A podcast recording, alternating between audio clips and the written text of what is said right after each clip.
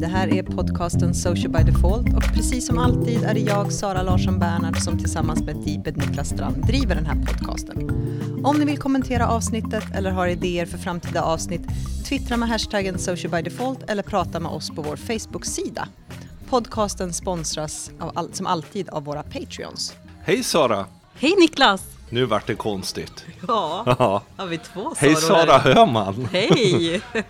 Hej Sara! Hej Sara!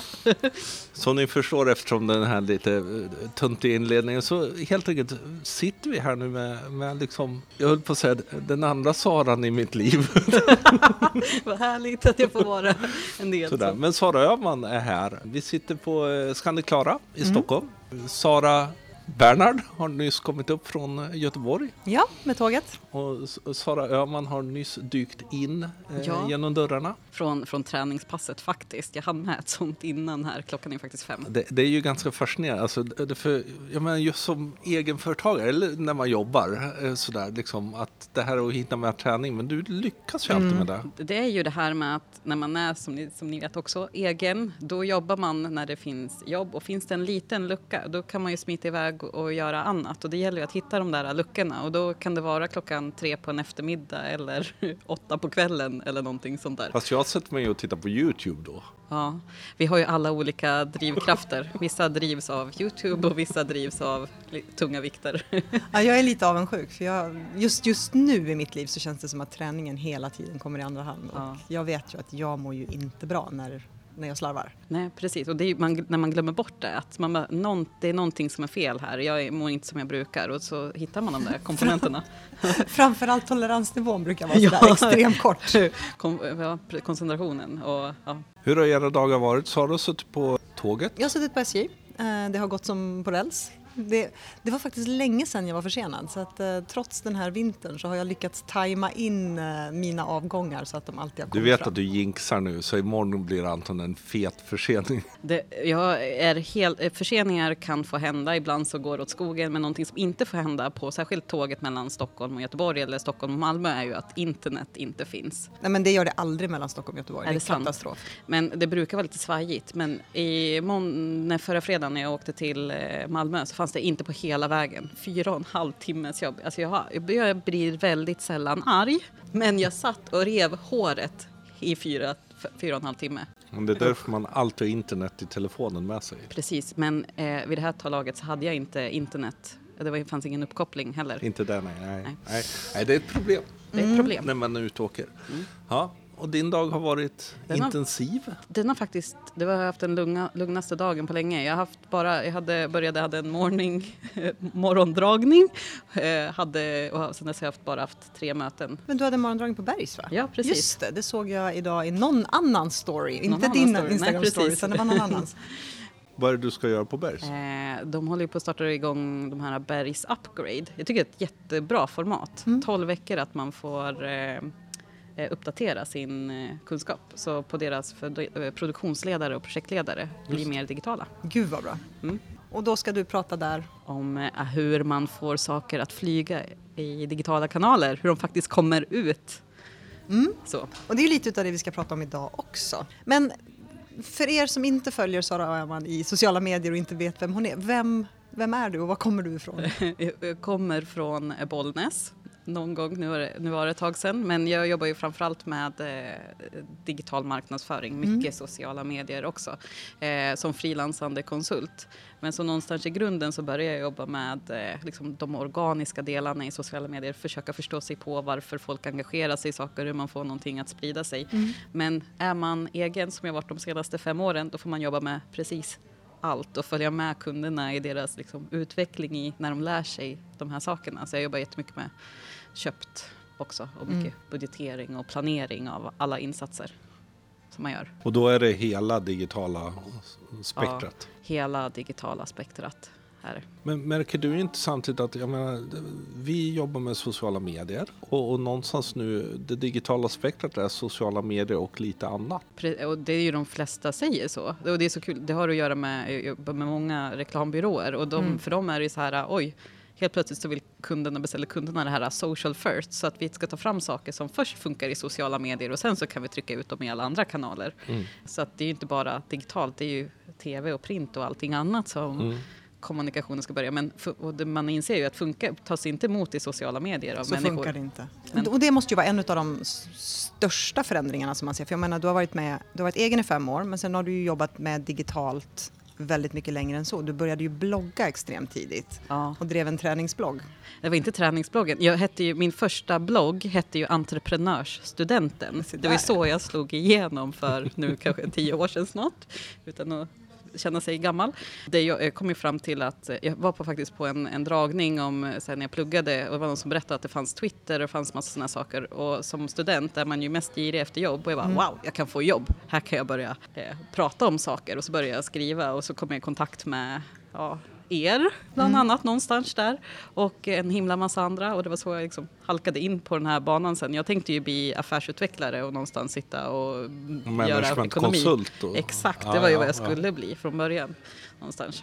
På Accenture eller någonting sånt. Nej, inte Accenture. Lite mer. Jag gillade alltid gillat så här små bolag Ja, och jag ja. tror att det är min största liksom, förbannelse i livet. Att jag alltid söker mig till de här äh, Mindre startup. mindre att eh, den, och liksom entreprenörssjälarna. De, de, är liksom, de är mitt bränsle någonstans fast jag ja, sliter mig i håret många gånger kring Så dem också. du och jag är liksom någonstans våra, varandras motpoler. Ja, uppenbarligen. Och så sitter I alla du, fall just Niklas, nu. du är i mitten och liksom väger. Ja, jag gör vad jag, vad jag blir tillsagd att göra. Så, men, men då, du pluggade till... Eh, Jag pluggade till att bli affärsutvecklare, ekonom och jag läste nationalekonomi och alla de här sakerna och började, sen kom i kontakt med SEO, eh, började liksom jaga länkar eh, och någonstans där så eh, kom jag i kontakt med folk som sa du ska väl börja jobba här hos oss istället. Här har du en, eh, här har du en kontorsstol Eh, och här har du utvecklare i Indien som kan hjälpa dig göra banners och alla de här kampanjsajterna som kunderna vill ha, varsågod.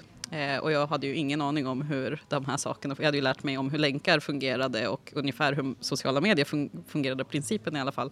Och sen började läsa API och allting sånt här och typ Eh, jag minns hur jag satt och ritade på papper och förklarade för dem hur de skulle se ut och indierna kom tillbaka och sa clarifications. Så här, varför jobbar vi med den här tjejen? Och de bara jo, gör som hon säger. Och så, ja. så lär man sig den vägen. Jag är så avis på alla som får plugga idag och lära sig alltså, SEO tio veckor, sociala medier med er i flera liksom, dagar. Och så, ja, det hade man önskat. Säg, vi- tre sitter här och är självlärda. Liksom. ja, och så lyssnar folk på oss. Ja, alla frågar vad har du för utbildning? Ja. Så, Nej, men jag utbildar på. jag, jag är ju ganska... Vad har du för utbildning? Ja, jag är teolog. Ja precis. Men det finns ju, det finns ju sina liksom, modeller där i också. Ja. Jag känner det mer och mer att de här sakerna jag lärde mig om affärsprocesser och den, det är sånt som jag använder mig av men jag börjar upptäcka det nu Mm. när man liksom kan se tillbaka på vad är det som finns där bak i huvudet. Och allt är ju affärsutveckling i grunden. Även kommunikation är en av de viktigaste affärsutvecklingsdelarna vi har idag. Men någonting som jag är ganska, som jag är ganska nyfiken på är ju då eftersom du också, vi utbildar ju folk som har jobbat ett tag men du utbildar ju också folk som vill ut i arbetslivet. Ja. När man har gått en sån här 12 veckors kurs eller en halvår eller ett år, Ja. hur färdig är man när man kommer ut? Det som, är, och det som jag tycker är, man, man kan väldigt mycket teoretiskt och i vissa fall så står man med studenter och de säger men varför är alla så dåliga? Varför, varför, varför, eh, Ser ut som lyssnar det gör? ingen? Ja. För, och det minns jag Det att jag också... vi också. Ja exakt, jag säger det, det är så här det är. Och jag tror att den stora framgången i, om, när, liksom, det som gör en färdig är ju hur man kan hantera kunden och kundens lärkurva. Att så här, okej vi kan börja här, vi börjar med den här delen för att om jag ska ta dig dit bort som du tror att du är och vill så måste vi gå igenom de här sakerna först. Och jag tror att det är just den processen att förstå, för att det handlar, man måste ju börja kunna leverera resultat från första början men man kanske inte kan göra det på det som Kunden förväntar sig eftersom Precis. kunskapsnivån är så pass Begränsad. basal kanske eller ja. Men för det, var, det var också en, en fråga som jag funderade på med tanke på att du också har varit med väldigt länge. Vad har kunder idag för förväntningar på sociala medier? För de måste ju också ha förändrats ganska rejält under de här Ja. fem, sex åren. Jag tycker från början så hade de ju eh, vad, vad tusan är det här? Eh, så varför ska vi göra det här och funkar det egentligen? Och sen så började de inse, ja men det här, oj, här ska vi tjäna pengar, nu ska vi satsa. Eh, sen så blev de lite avslagna där någon gång. De liksom nej, jag vet inte riktigt vad det här funkar. Men nu tror jag, tycker jag att de börjar komma till den här, och jag tror att det är i takt med att eh, verktygen har utvecklats så pass mm. mycket också. De har ju varit väldigt skakiga och är ju fortfarande skakiga, eh, Facebook och, och, så vidare. Eh, men nu så börjar man se att okej, okay, om vi, vi behöver ha den här organisationen på plats, vi mm. behöver jobba liksom, eh, utveckla vårt arbete med för att liksom sätta upp allting rätt på Facebook så, och alla delar så, så krävs det ett jobb för oss. Så jag tror att man har en eh, omställningshuvudvärk men gott mod. Mm. Vad är den största missuppfattningen då? Oj. När det gäller den social sociala medienärvaro för företag? Eh, just nu, och det tror jag till, kommer till att om man tittar tillbaks tre år, då var det ganska lätt att få resultat av sociala medier. Eh, mm. Och jag tror att man förväntar sig resultatet för fort. Mm. Eh, och det, jag vet att vi sa det här för, för många år sedan också. Men det är just det här att, att arbeta upp ett Facebook-annonseringskonto till exempel. Eh, det kan ju gå väldigt fort att liksom få annons, bra resultat på annonserna. Men det är ju mer som ett AdWords-konto där du måste bygga upp det och vänja Facebook ett tag med vad du annonserar. Mm. Samma sak när det kommer till sociala medier, det tar eh, tid. Så att om man liksom försöker budgetera för det här så tror jag att man behöver budgetera för en viss lite, lite mer av uthållighet. Mm. Så att eh, just när det kommer till alla, alla former av investeringar i det och inte räkna på närmsta fyra veckorna utan kanske närmsta tre månaderna, halvåret istället och se hur man liksom samlar in så mycket under tiden. Vad får du för, för du får ju massa saker ut av det. Du samlar ju på dig målgrupper, interaktioner, massa saker, lärdomar under tiden. Vad tycker ni? Precis, och, men det är ganska intressant för jag menar, man tittar på flera andra där vi jobbar ganska mycket inom stora organisationer som du är inom manufacturing-delen. Mm. Där har man ju inte ens börjat köpa. Nej, inte så mycket. In, inte strukturerat Nej, i alla fall. Utan snarare mer algoritmköp. Att hela tiden se till att man åtminstone syns för de som följer eller försöker synas för de eller som följer. Eller man gör kampanjer. Det behöver vi ju göra, annars kommer det ju inte fungera alls. Men, men just det du säger är ju en viktig insikt också att lära algoritmerna köpen också delvis ja. och, och lära, lära sig själv hur man ska jobba. Precis. Om, om jag får svara på din fråga så tycker jag att vi har sett genom åren och fortfarande ser det finns en tro på att sociala medier kan lösa väldigt, väldigt mycket. Ja. Istället för att fundera på vad är det sociala medier kan göra som inga andra av era befintliga kanaler kan göra idag. Ja. För det finns ganska mycket en duplikatvilja att okej, okay, vi gör det här i de här kanalerna och så trycker vi ut det i sociala medier också. Mm. Istället för att fundera på någonstans var i kundresan är det sociala medier är som starkast och hur ska de kunna vara, hur kan de vara katalysatorer för att få folk någon annanstans för att sen till slut kunna konvertera. Det finns ett jätteenkelt sätt att göra det här på. Eh, och så då säger man hur funkar det här och inte funkar. För de flesta är ju inne på Google Analytics. Mm. Eller hur?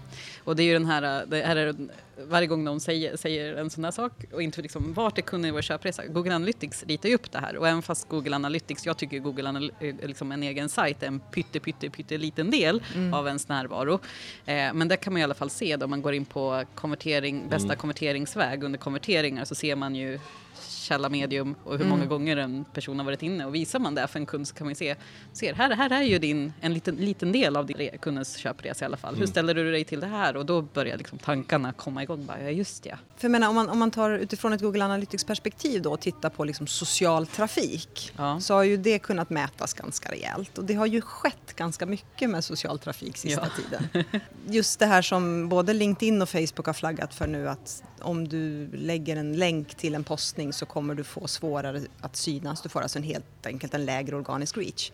Hur ser kunder på det? Har de nått dit än? Eller har de fortfarande de här säkerhetslänkarna att man alltid ska hänga på mm. den här länken för att driva trafiken någon annanstans? Det vill de ju de undrar varje gång man säger så här, varför ska inte jag lägga en länk eller varför ska jag inte ha en call to action i mitt, liksom, mitt inlägg på Facebook? Och då får man säga, alltså det bästa argumentet där är ju det här eh, tre sekunders regeln. Men att okej, okay, du, du har tre sekunder på dig att få kunden att göra vad de, vad de vill mm. Den här. Vill du att de ska titta i det här fallet eller är, är de redo också så här, rita ut på köpresan? Är, de, är kunden verkligen redo att klicka sig in på din butik? Mm. För om den inte är det, då kommer du bara, då kommer du bara tappa dem. Mm. mm. Och varför säger man, och försök, alltså det är ju en process att få dem att inse det, men ändå, varför, någon kanske vill, jag bara, ja men då kanske någon går och gör det, men då kan man också se här, eh, ganska ofta ser man ju om man har drivit trafik från Facebook så ser man ju att de har, ser man ju oftast att de gått in direkt efter det, vilket gör att men någonstans så får vi ju mm. någon form Det finns av en awareness och sen ja. så går man vidare. Det, det finns ju också den här Ja, men om man gör en länk har man gjort sitt jobb. Ja. Det, för det har vi pratat en del om. Nej men det är läskigt. Ja. Det är Det, för läskigt du att har ju hamnat ett- lite i, i den situationen ibland. Som man får, ja, måste du ha en länk Nej. här? Nej men och i, i nio fall av tio så är ju faktiskt svaret att nej det måste jag inte för det Nej. skulle kunna stå för sig självt. För det är lite grann som du säger just att man vill att det ska göra så mycket. Man skriver en bra ingresstext men det är ändå en film. Ska de läsa texten eller titta på filmen? Vill vi att de ska dela eller kommentera eller ska de klicka någon annanstans? Ja, Och jag menar allt gör vi ju definitivt inte. nej, exakt. Och det är så här, för jag får ju, de flesta, vi pratar ju lite grann om att vi, vi gör ju ungefär samma saker med lite olika delar. Och jag kommer ju oftast in när folk vill driva trafik och konverteringar. Det är ju vad jag har jobbat mest med. Och det jag säger mest åt dem då är att ja, men nu ska vi göra awareness-kampanjer istället för att driva trafik.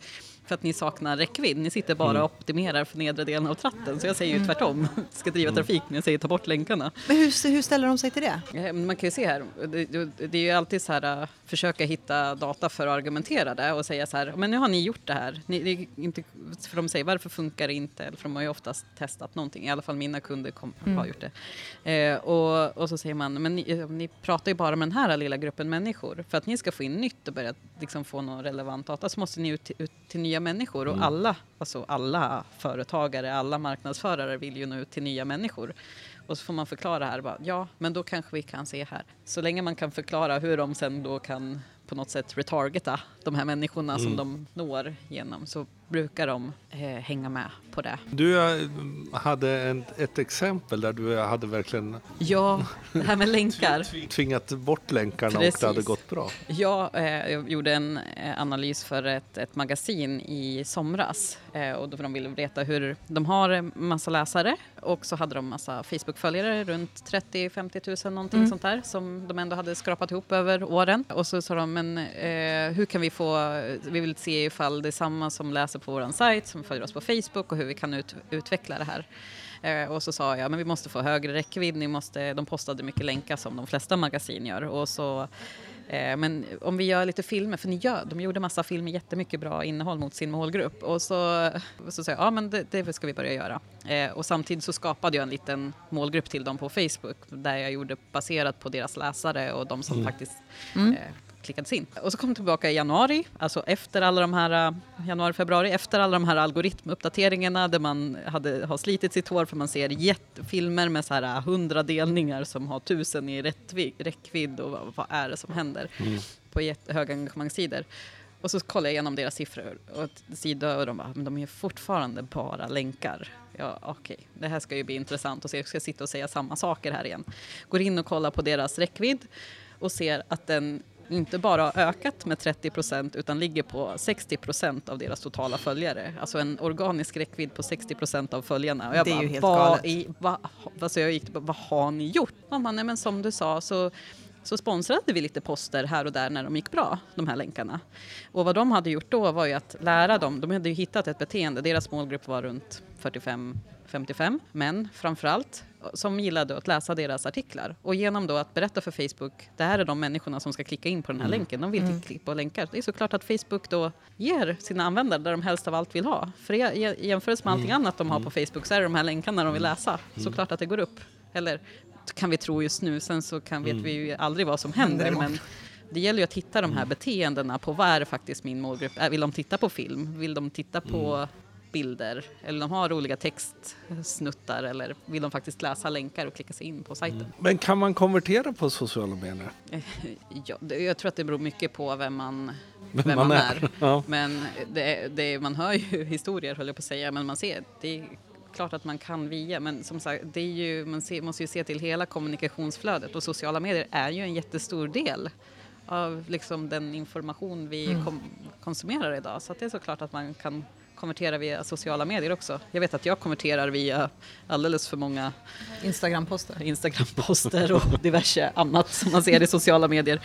Det är inte alltid då, för att ibland så ser man ju någonting och det är inte alltid man klickar på de här länkarna utan ibland går man ju faktiskt direkt till butiken istället för man ser och kommer någon annan väg vilket gör att det är svårt att spåra såklart. Ja, men jag tror att det är precis det som du säger, alltså det skapar en awareness. Jag tror väldigt mycket att sociala mediers största styrka handlar om awareness. Ja. Och så sår, sår det små frön i huvudet. Awareness och interest. Ja. Och sen så när det väl har fått landa och gro ett tag, Ja. då är man redo att ta, sin, eh, ta det till nästa steg. Ja. Och där handlar det ju väldigt mycket om att lära sig sina målgrupper och fundera på, är de, är de trafikdrivningsmodet eller är det faktiskt så att vi behöver använda den här kanalen för att så de här fröna och hela tiden få dem att någon annan gång tänka rätt och ta en handling. Där ligger utmaningen att mäta hela vägen, lite som du var inne liksom, att ja, men om man tittar i där i, i Analytics, ja, men då kan man se en del, tittar man i Insight ser man en del. Problemet är då liksom hoppen däremellan. Ja. Liksom. Jag är jättenyfiken på Facebook Analytics och vad de håller på med där. För att Facebook Analytics, de vill ju vara ett CRM-system. Eh, och det, de vill ju att man ska koppla det till, nu har vi, nu ingen som litar på Facebook just nu, men de vill ju att man ska kunna koppla till sitt CRM-system, man kan koppla till andra annonsplattformar som DoubleClick vilket gör att du kan hämta data från andra annonsinsatser du gör på andra plattformar och sen så börja spåra kunderna däremellan. Hur kommer detta ställa till det sen när GDPR börjar Ja, gälla för oss i. Europa? Eh, vi var ju på ett gemensamt seminarium om det där, Niklas. Eh, men jag tror det som med GDPR, som jag, jag resonerar kring det, att om kunden måste ju ha koll på sin data i första hand. Kan den hos sig själv radera datan så kommer inte den finnas på Facebook heller. Så att det ligger hos en själv först och sen så vad man matar in. Det, för, det, för det, jag pratade radio idag om, om just hela det här. Såklart. Alla, Cambridge- alla, Cambridge alla Analytics pratar just nu i radio. Ja, Åh, och då gick jag också in och tittade på den nya, hela, hela den delen man kan titta på sig själv. Ja, Ja men vilka intressen och där kan man verkligen börja plocka bort en del sidor som man kanske inte vill bli hittad på och sådana saker. Och precis.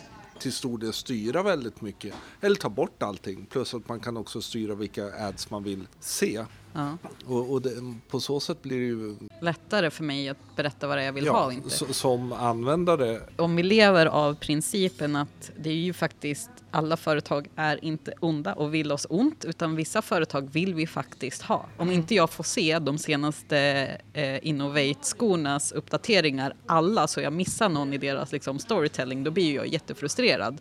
Så att det är såklart att jag vill att de targetar mig på rätt sätt så att de vet vilken information de ska skicka till mig vid vilket tillfälle när jag är köpredo. Så, eh, och på samma sätt så kan det vara för massa andra saker. Vi vill ju ha för info- Vi har ju vant oss vid att vi inte ska slippa göra den här researchen själva. Men det ska ju som du säger finnas då möjligheten att plocka bort sånt som är relevant. Och det är ju inget företag som vill spendera pengar på kunder som de aldrig kommer tjäna igen pengar på. Det är ju lönlöst. Nej, det har vi ju gjort i hundra år så Ja.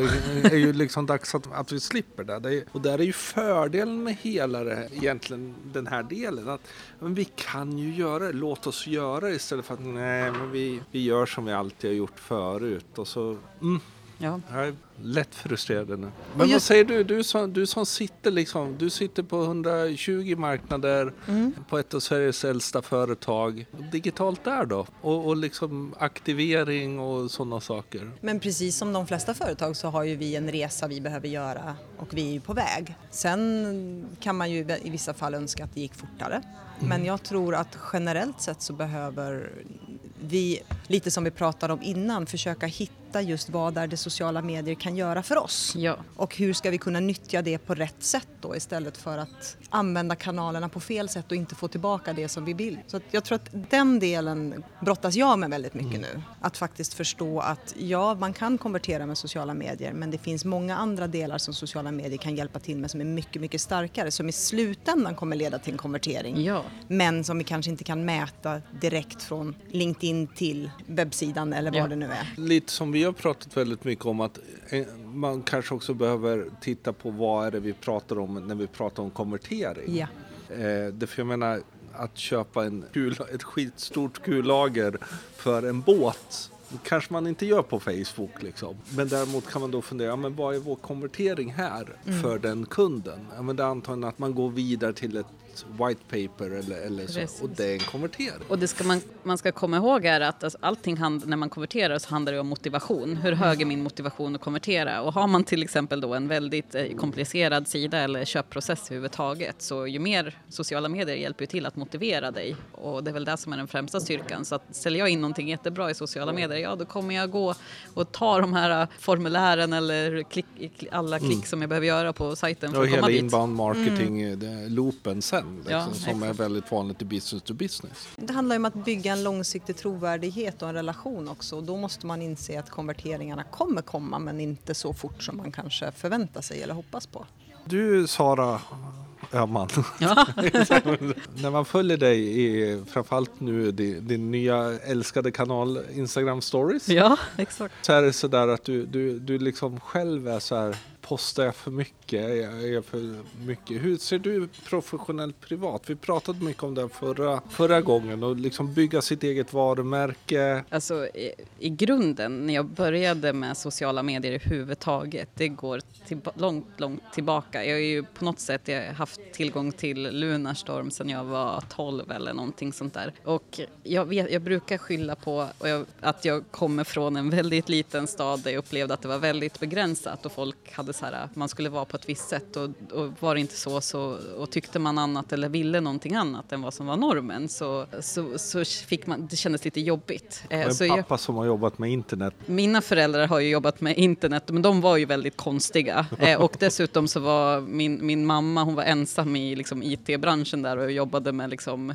50 gubbar och hon så här, och massa sådana saker. Din jag tycker det pappa fick någon utmärkelse här. Precis, min, alltså jag var så stolt över pappa igår så jag stod, stod och skuttade i, liksom, jag kan skutta fortfarande, men min pappa alltså, och bo, mamma var också med på det här eh, i början, men byggt stadsnät, liksom sen fibern kom så har de byggt fiber eh, och liksom i olika konstellationer så min pappas nät just nu, vi säger min pappas nät, det, är han, det, är, det är ju liksom ett fler med på det här men han har ju dock drivit fram det här eh, de senaste 20 åren och det är ganska coolt, vi pratar ju om hur internet har gjort och jag kan faktiskt på riktigt, nu börjar jag hör, jag sa att jag skulle börja prata högre när jag var exalterad men eh, jag kan inte tänka mig en enskild individ som har gjort mer för internet än min pappa. Ja, Eh, han, han var med i Stadsnätsföreningen, han, eh, behind the scenes, så är han är ju den enda som har suttit i Stadsnätsföreningen, alltså jobbat med stadsnät sedan den började. Resten har ju floppat av längs ut, vägen. ja.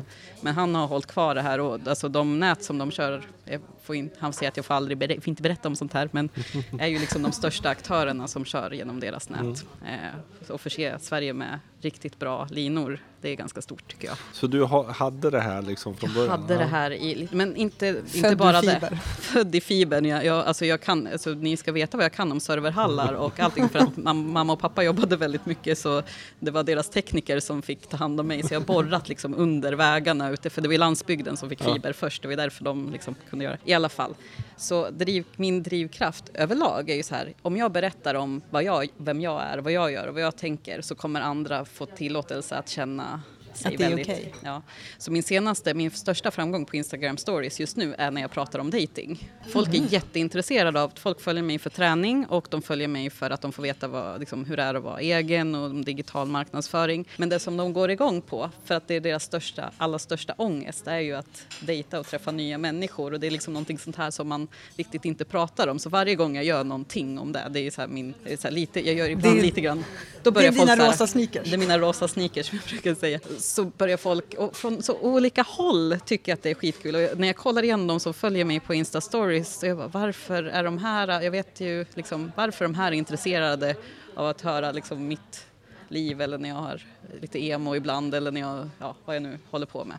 Så det är min största eh, drivkraft. Och jag har haft lite så olika, okej ibland så ska jag vara väldigt professionell. Alltså det hela anledningen till att jag började med det när jag var entreprenörsstudenten var att då berättade jag om allt vad jag tyckte och tänkte om saker. Och jag var faktiskt, innan jag började blogga så skrev jag insändare till tidningen också och tyckte att stofilerna i Bollnäs de förstörde för alla entreprenörer och sådana här saker. Alltså jag får bara, eller bara och bara, men positivt av att berätta om. Här har ni mig. Liksom. Ja, jag har försökt att hålla tillbaka i vissa fall. Nej, men att tänka så här på begränsa. Men sen så, det är klart man berättar ju inte allt. allt. Nej, det gör man inte. Om du inte skulle arbeta med sociala medier, vad skulle du göra då? Ja, alltså jag, eh, jag skulle bli... Managementkonsult. Nej, inte managementkonsult. Jag tycker fortfarande, alltså, jag skulle nog aldrig kunna komma ur och börja jobba, jobba med affärer. Men jag sk- älskar psykologi och jag skulle gärna vilja bli psykolog.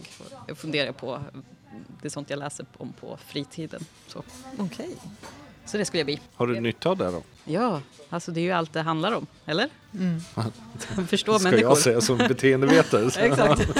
Har du nytta där? Men eh, tillbaka då till liksom, eh, det här med också personlig, så här, har, har det slagit bakut någon gång? Ja, ja alltså. Om du vill berätta självklart. Men, Nej, men, liksom, men eh, det är klart att det har slagit... Framförallt ibland så i början så var det ju så här folk från Bollnäs tyckte, tyckte jag var en sån här... Hördes och syntes för mycket? Ja, precis. Det var inte det man skulle göra och, och vissa så. Men alla människor som har haft något negativt att säga om det har återvänt till det positiva senare. Och jag tror att det är just ihärdigheten. Det var ingen... Mm. Det här är, det är så, alltså, sån jag är och det var inte någonting jag gjorde för att få... Alltså det är många som säger att man söker bekräftelse och man vill synas hela tiden, man vill ha likes. Men jag har aldrig riktigt känt att det är just därför utan det är den här nyfikenheten i vad händer om jag postar det här eller vad, vad bemöter folk det här? Vill folk prata om det här istället? Och när folk inser det så brukar de liksom ta det men det är mycket skitsnack ibland också. men hur mycket använder du dina egna kanaler för testa, för, för att liksom lite medvetet testa Hela saker? tiden.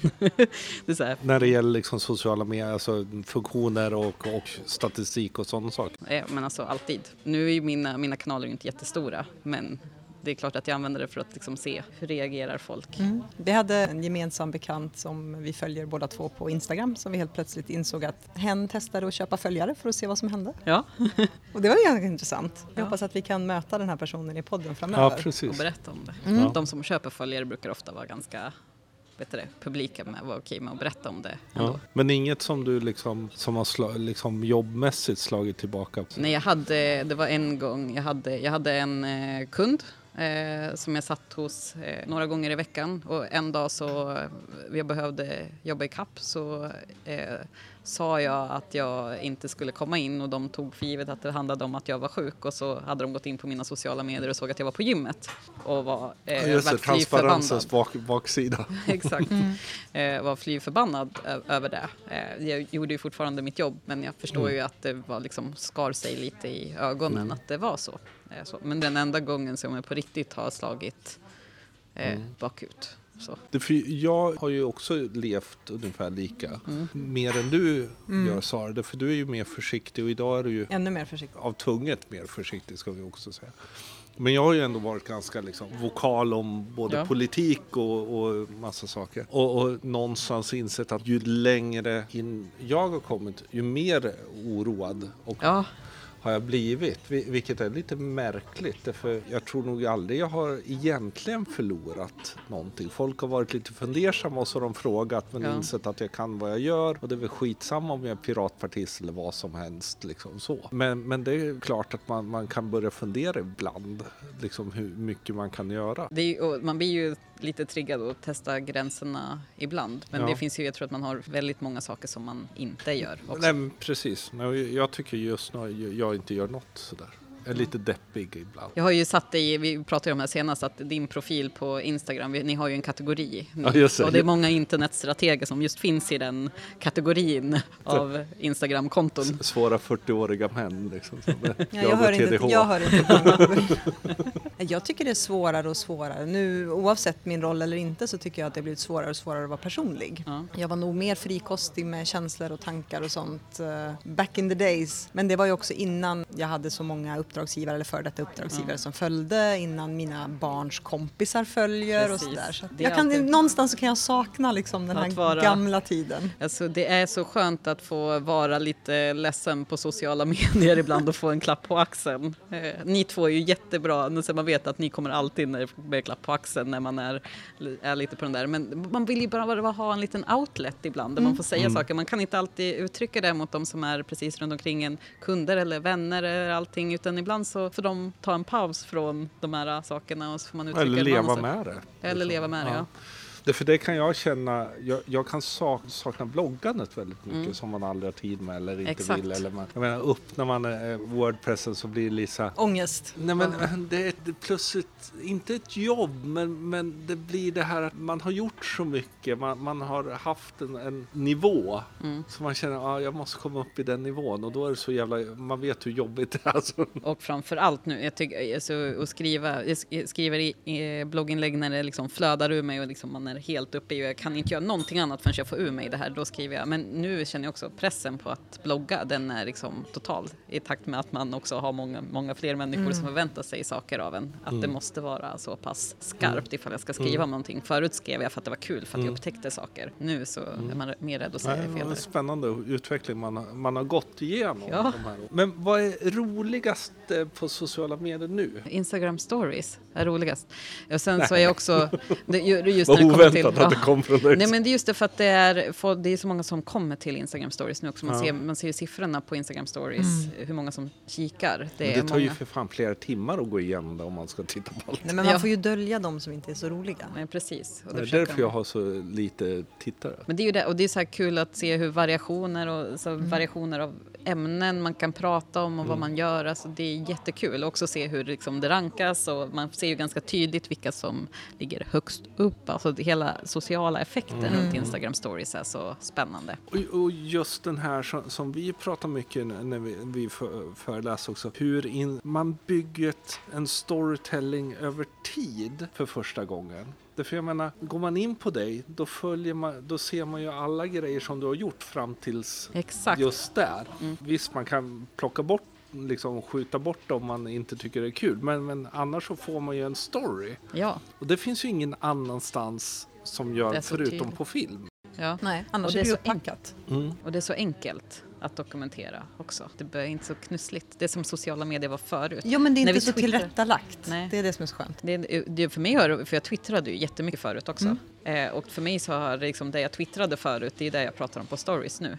Mm. Alltså de här tan- dagliga tankarna som man slänger ur sig. Vilken är den svåraste kanalen? Alltså eh, Facebook är jättesvår. Nu det finns säkert fler som jag inte jobbar med eh, lika mycket men eh, Facebook de senaste månaderna har ställt till många nötar. När det kom, I alla fall om man tänker profe, professionellt. Professionellt, Just ja. Annons, eh, man får ju hela tiden ändra om sin annonstaktik sådär. Att göra att man bara, "Åh, vad är det vi ska göra nu? Var hamnar vi här egentligen? Mm. Är den svåraste kanalen tycker jag. Det är väldigt slagigt just nu i annons. Ja. Satt och gjorde en analys idag som var så här, men det här kan ju inte stämma. Nej.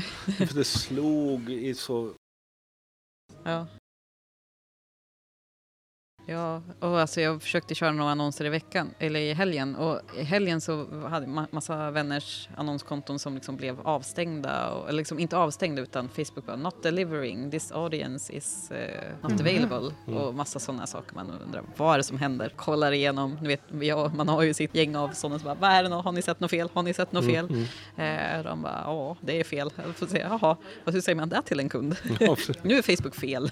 För dig personligen, vilket är du använder minst? Vad, vad, har, liksom, vad har eh, strukit på foten? Eh, Det är nog, förutom då bloggandet som jag använde minst, men eh, Facebook. Och jag saknar Facebook som det var förr. Och jag, minns, jag, jag, jag har ju varit när så här, vi ska posta på sociala medier om allt. Eh, Men jag var någonstans i höstas som jag faktiskt, nej jag ska sluta posta på Facebook. Ja, för du, det syns inte där Nej, så mycket längre. Exakt, och det är för Nej. att jag inte postar saker på Facebook. Igår postade jag två saker på Facebook. Det kändes stort. Och jag känner här är som gamla goda tiden. Och, men då känner jag för att jag var checkade in med en kompis som jag var ute och spelade arkadspel med. Och jag bara ville berätta hur mycket jag älskar det här stället. Men jag, alltså, jag hade lite ångest när jag gjorde incheckningen och det tycker jag är lite märkligt. Varför skulle inte jag få posta om att jag spelar spel och är glad med min kompis på Facebook? va- Men varför kände då? du så? För jag kände att nej, men det här är ju ingenting som är relevant för Anna. Nu kommer de tycka att det liksom sticker i ögonen. Eller liksom, Nu är det för mycket jobb. igen. Varför, skulle jag, varför ska hon vara här nu igen? Eller liksom, vad är det här? Liksom? Men känner du dig mer utsatt där då än vad du gör på Instagram stories? Ja gud, alltså det är klart.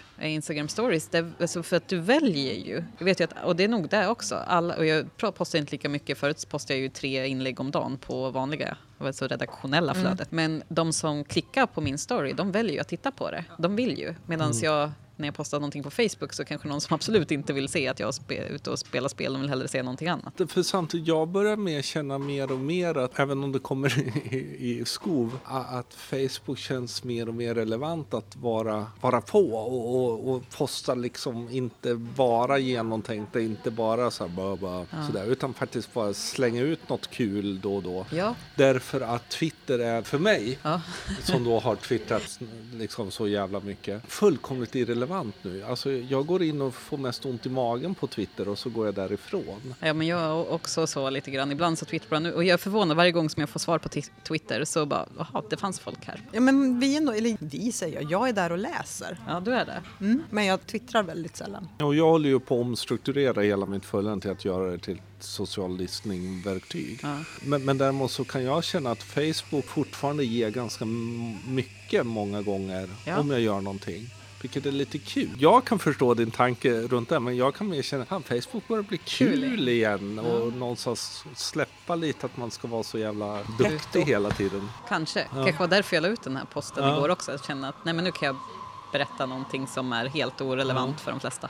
Men apropå det, alltså jag saknar Twitter. Twitter har ju byggt, alltså det var ju Ja, mitt jag saknar ju också jättemycket Twitter. Alltså allting kultur är som det var. Sen har vi LinkedIn också. LinkedIn är ju... På, på frågan jag ställde, vilken kanal tycker du är svårast? Så tycker jag LinkedIn är svårast att Ja. förstå. Både utifrån ett personligt perspektiv men framförallt utifrån ett professionellt perspektiv. Ja. Det finns ingen logik alls i hur de har byggt upp sina algoritmer och sina spärrar till tredjeparts eh, alternativ att posta och ja. Jag tyckte, alltså det som jag postade, hade en liksom, period i höstas tror jag när jag postade väldigt mycket på, på LinkedIn och när jag eh, så här, eh, pratade med vår gemensamma vän Jesper om det här, när vi, så här, vi hittade, man hittade eh, tricket för vad folk gillar och när saker bara sprider sig och det är de här uh, humble brag posterna med en bild på sig själv med huvudet på sned, alltså inte riktigt så. Och då var det så här, varje gång man gör en sån tror vill säga inte det funkar varken på, för mig och Jesper egentligen. funkar faktiskt väldigt bra.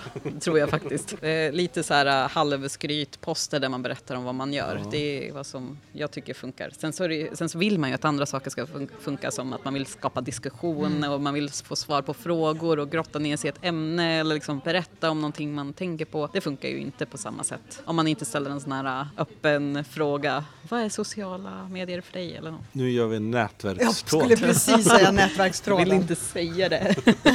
vill bara inte. Det är som när Tag, tagga någon. Det är som när, eh, för mig så är det som när eh, Facebook Live släpptes, det var ju världens mest fantastiska grej i början. Och sen så när de alla började överutnyttja det, då, liksom, då dog det. Så jag tycker nätverkstråd är lite samma sak, det var Ja. som var skär i hjärtat. Jag tycker live ändå har satt sig nu och börjar fin- finnas jättemycket möjligheter att göra det. Det som irriterade mig senast var att man kan ju inte sponsra en live. Ja, Det var irriterande. det är säkert en sån här sak som kommer komma, tror Ja, inte det? men, men måste det ju för- komma. Någonstans för- blir det ju... Eller så handlar det om att planera återigen, att du gör ett förinlägg som säger att liven ska komma då och då så sponsrar du upp den. Och... Samtidigt vill man ju kunna sponsra den under tiden den är. Det, för det som händer, det för de flesta live jag har jobbat med är ju liksom, de, folk tittar från början som bång. Exakt. Så åker det ner till liksom 10% i bästa fall. Efter liksom fem minuter, i bästa fall fem minuter. Och, och där blir det ju liksom, ja men då skulle man ju vilja sponsra det mot målgruppen. Att, att kunna trycka i att just nu händer det här. Ta Ja. en halvtimme och lyssna. Det är relevant. Ja, det blir ju det. Facebooks algoritmer är ju, de tar ju liksom en halv dag på sig att ens förstå vad det är de ska gå ut med idag. Så att det går inte så fort. Ja. Men det borde finnas något sätt för det. Vi kan, ja, Twitter har sagt att du saknar, den finns ju fortfarande. Men, men är det någonting som du har så att säga, fan det här kommer bli stort. Oj. Kanalen du boostade men som försvann. Ja, menar du, alltså någon annan jag man, hopp, nej, men man hoppar på någonting, typ som när Ello kom och Ja. folk skulle vara först på. Jag har min favoritapp genom av alla som jag har tyckte mest om och det var PAF. Pat. Minns Ja. ni den? minns Den jag. röda lilla appen. Och det var, man hade sina vänner och det var kul. man kunde bara ha, vad var det, 75 eller 50 vänner eller någonting sånt Eh, där. annars 140. Det är ju den här baserat på den här psykologin Ja. att man kan bara ha visst många nära vänner. Och att man checkade in och man visste vad man var och det fanns lite små roliga funktioner. Den var, var snygg. Och då, men säger, vi har ju den här, så att den blev jag jätteledsen när den stängde ner också. Jag tyckte Wine var jättebra för inspiration men jag var inte där så mycket själv och gjorde saker. Men PAF. Eh, men jag tycker Vero, när jag öppnar Vero så känns det som PAF. Men då blir jag lite så här, eh, fast jag ville ju ha PAF, jag vill inte ha det här. Och liksom, Det, det som jag kan verkligen sakna är just alla de här, men jag kan sakna att det inte dyker upp appar som bara säger, ja men vi vet inte om det kommer gå, men vi har en idé. ja. Det, för, ja, men det som kommer nu är så här, Ello, vi ska ta över Facebook och vi Precis. ska vara så jävla coola. Så Eller folk har ju för Vero, mycket hybris. vi ska ta över Facebook. Vi ska, utan här kom på oss, ja men vi har en annan idé. Gå hit och mys Ja, kom lite. hit och liksom testa åt Men då måste jag ju fråga er, För jag har ju kvar alla de här apparna i min telefon. Jag, jag har lite svårt för att radera dem även om jag inte använder dem längre. Alltså jag önskar att jag hade det och jag är också en sån som försöker spara på så mycket som möjligt. Dock är jag också en sån här person som flyger runt väldigt mycket och har min telefon med mig alldeles för ofta så att jag har ju bland annat tapp- tappat en telefon i en fjällfors och såna här saker. Den så att funkar inte så bra sen. det är många omstarter på det så att eh, får jag bara kopiera din telefon och visa runt. så, jag har lite svårt att slänga de här gamla apparna. Jag tror vad att har du dem? Nej, men jag haft det. Mercat hade jag kvar jättelänge Jaha, det- innan ja. jag slängde. Och Ja, Mercat hade man kvar, det, det, Mm. men den snurrade ju på väldigt länge men pivoterade sig ju hela Mm. tiden. Liksom. För jag kommer ihåg när Mercat startade, kommer du ihåg det? det? För vi, Det var var här, vi var här i Stockholm Mm. och så plötsligt bonk så var SX SV som, som blev ju svinstort Mm. och vi testade upp det. Ja, mycket och sen så kom Periscope, eller för mig i alla fall, och så Ja. det, var inte, det var inte lika kul. Nej, även om det kändes mer som att okej nu, nu startar det här på riktigt med live. Precis. En annan har ju varit med bambuser Alltså jag tiden, använde så- också, jag minns här när vi pluggade och så bara, vi kan sända de här sakerna, så försökte vi få, få tittare på bambuser och så kunde vi, vi sitter upp föreläsningar, så kanske någon vill lyssna på Och, oss. och Bambuser lades ju ner här i början Ja. av mars. Har ni laddat ner alla streams som Ja, ni jag har har gjort? faktiskt laddat ner det som var värt att spara. Jag kan sä- säga att Så du, Jag hade har gjort två. två. Alltså, jag hade ju ett eh, vin, eh, vinprogram med min dåvarande sambo. Ja, så det. episka sändningar, eh, de var ju liksom, de var ju succé. Så de laddade vi, laddades ner tror jag. ja, och Björn Falkevik hade ju Ja. tusentals saker att ladda ner. Så han var ju sur att det inte fanns en bulknedladdning. Men det var som när Lunarstorm, de sa det här är sista gången ni får liksom scrapa alla gamla liksom, inlägg som man gjorde. Det gjorde jag och sen gick den hårddisken sönder. Men du, inspiration för att fortsätta jobba och fortsätta liksom ha suget kvar att jobba med sociala medier och sånt saker. Ja. Var hittar du det? Jag eh, konstaterade särskilt häromdagen, jag vill ju, och det är en, vet, nu ska man ju, vara- jag vet inte om jag ens vågar säga det högt för jag vågar knappt säga det, för jag vill ju vara eh, bäst och jag vill veta mest. Jag jag blir så arg när jag kommer på, hittar en sak som inte jag kan. Och framförallt då ifall det finns någon, kommer någon eh, yngre eller liksom person som jag märker att liksom börja så här, få svara, jag satt i en panel i veckan och så fick svara på mina frågor, som är mina frågor.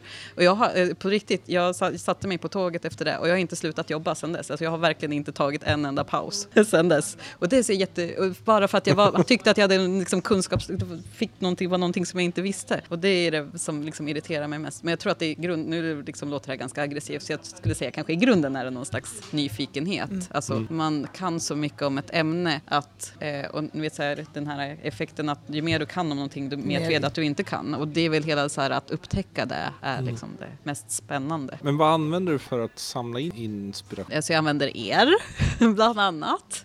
Som sagt, ni, ni jobbar med andra delar och ni pratar väldigt mycket och ni är så extremt duktiga på att samla in ny information. Alltså jag är jättedålig på att hålla koll på eh, trender och nya saker som, så att jag är lite så här eh, halv, okej nu pekar hon på Niklas här som någon slags, så jag följer Niklas.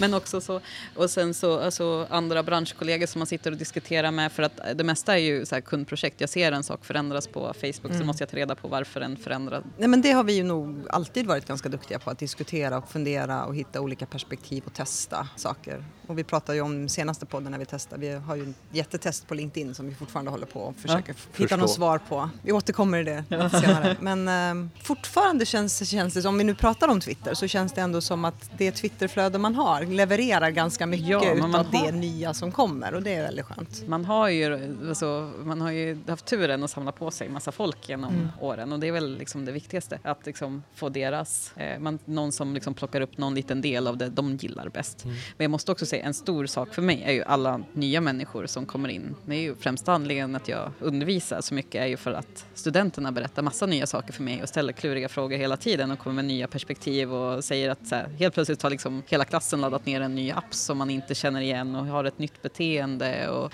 och måste också, och alla alltså yngre människor också, som jag tänker på dina barn till exempel, hur de använder internet på ett helt annat eh, sätt. Mm. Ja, de fick ju in mig på Musical.ly Ja. ganska tidigt. Ja. Innan det började liksom bubbla. För de var ju väldigt, eller framförallt min dotter var ju väldigt tidigt på det. Nu har ju hon gått vidare till andra saker. Men Vad är det som, som du nu skulle vara sugen på det? För du, du vloggade en liten stund. Ja. Sen så kom det in, jag hade två kompisar som gick in och började vlogga efter mig och gjorde det mycket bättre. Bland annat då Jesper och en kompis som heter Mattias. Äh, Mattias tycker jag, alltså, hans satsning på att vlogga är den mest ambitiösa. Han har till och med anställt en kille som följer runt honom när han bygger sin byrå. Tror att han okay, har kört 150 ja. välproducerade avsnitt. Oj. Ni får kika på den här sen. Mm. Eh, så att de gjorde det mycket bättre. Eh, men det var också för mycket jobb. Ja. så.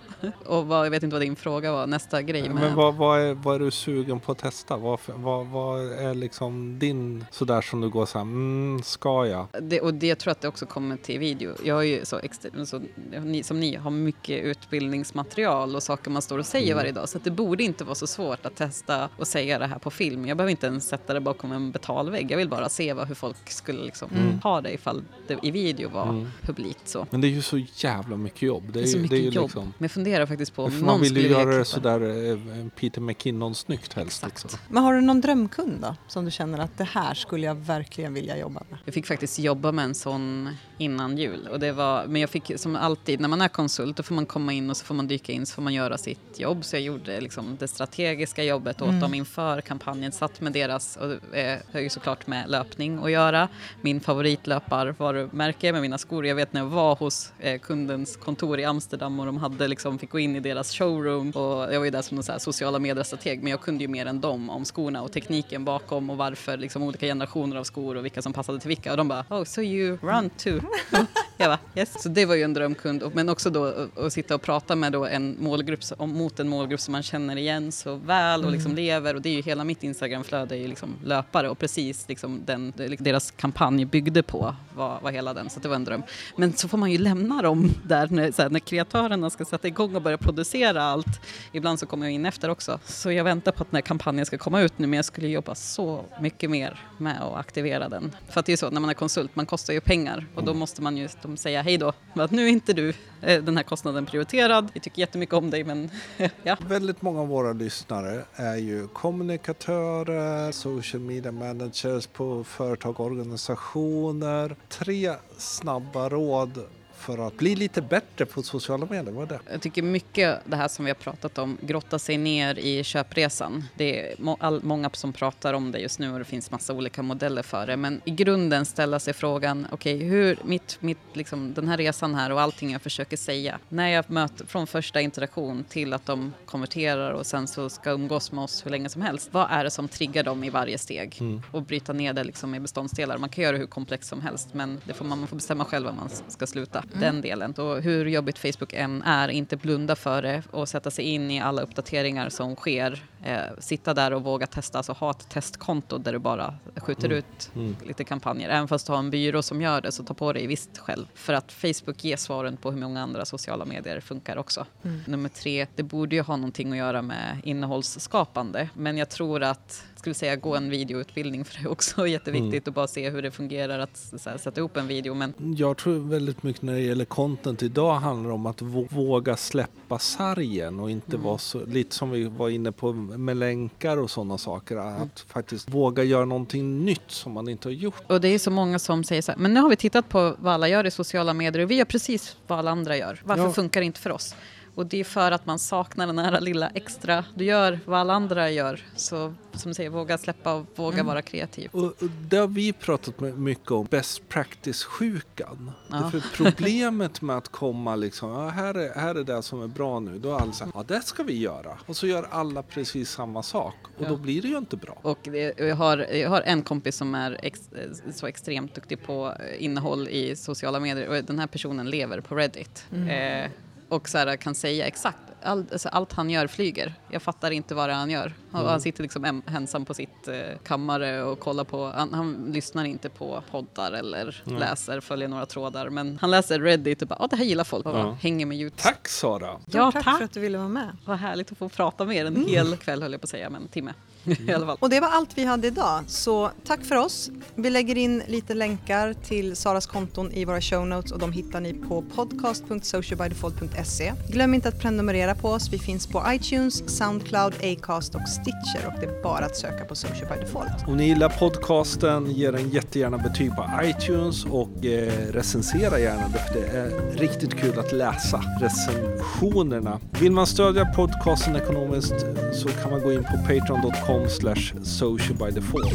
Alla inkomster kommer gå till att utveckla podcasten. Och som vi tidigare sagt, tyck gärna till med hashtaggen socialbydefault och vill ni nå oss på Twitter, Instagram eller något annat socialt medie så heter jag Sanasi LB överallt. Och jag heter Deeper överallt.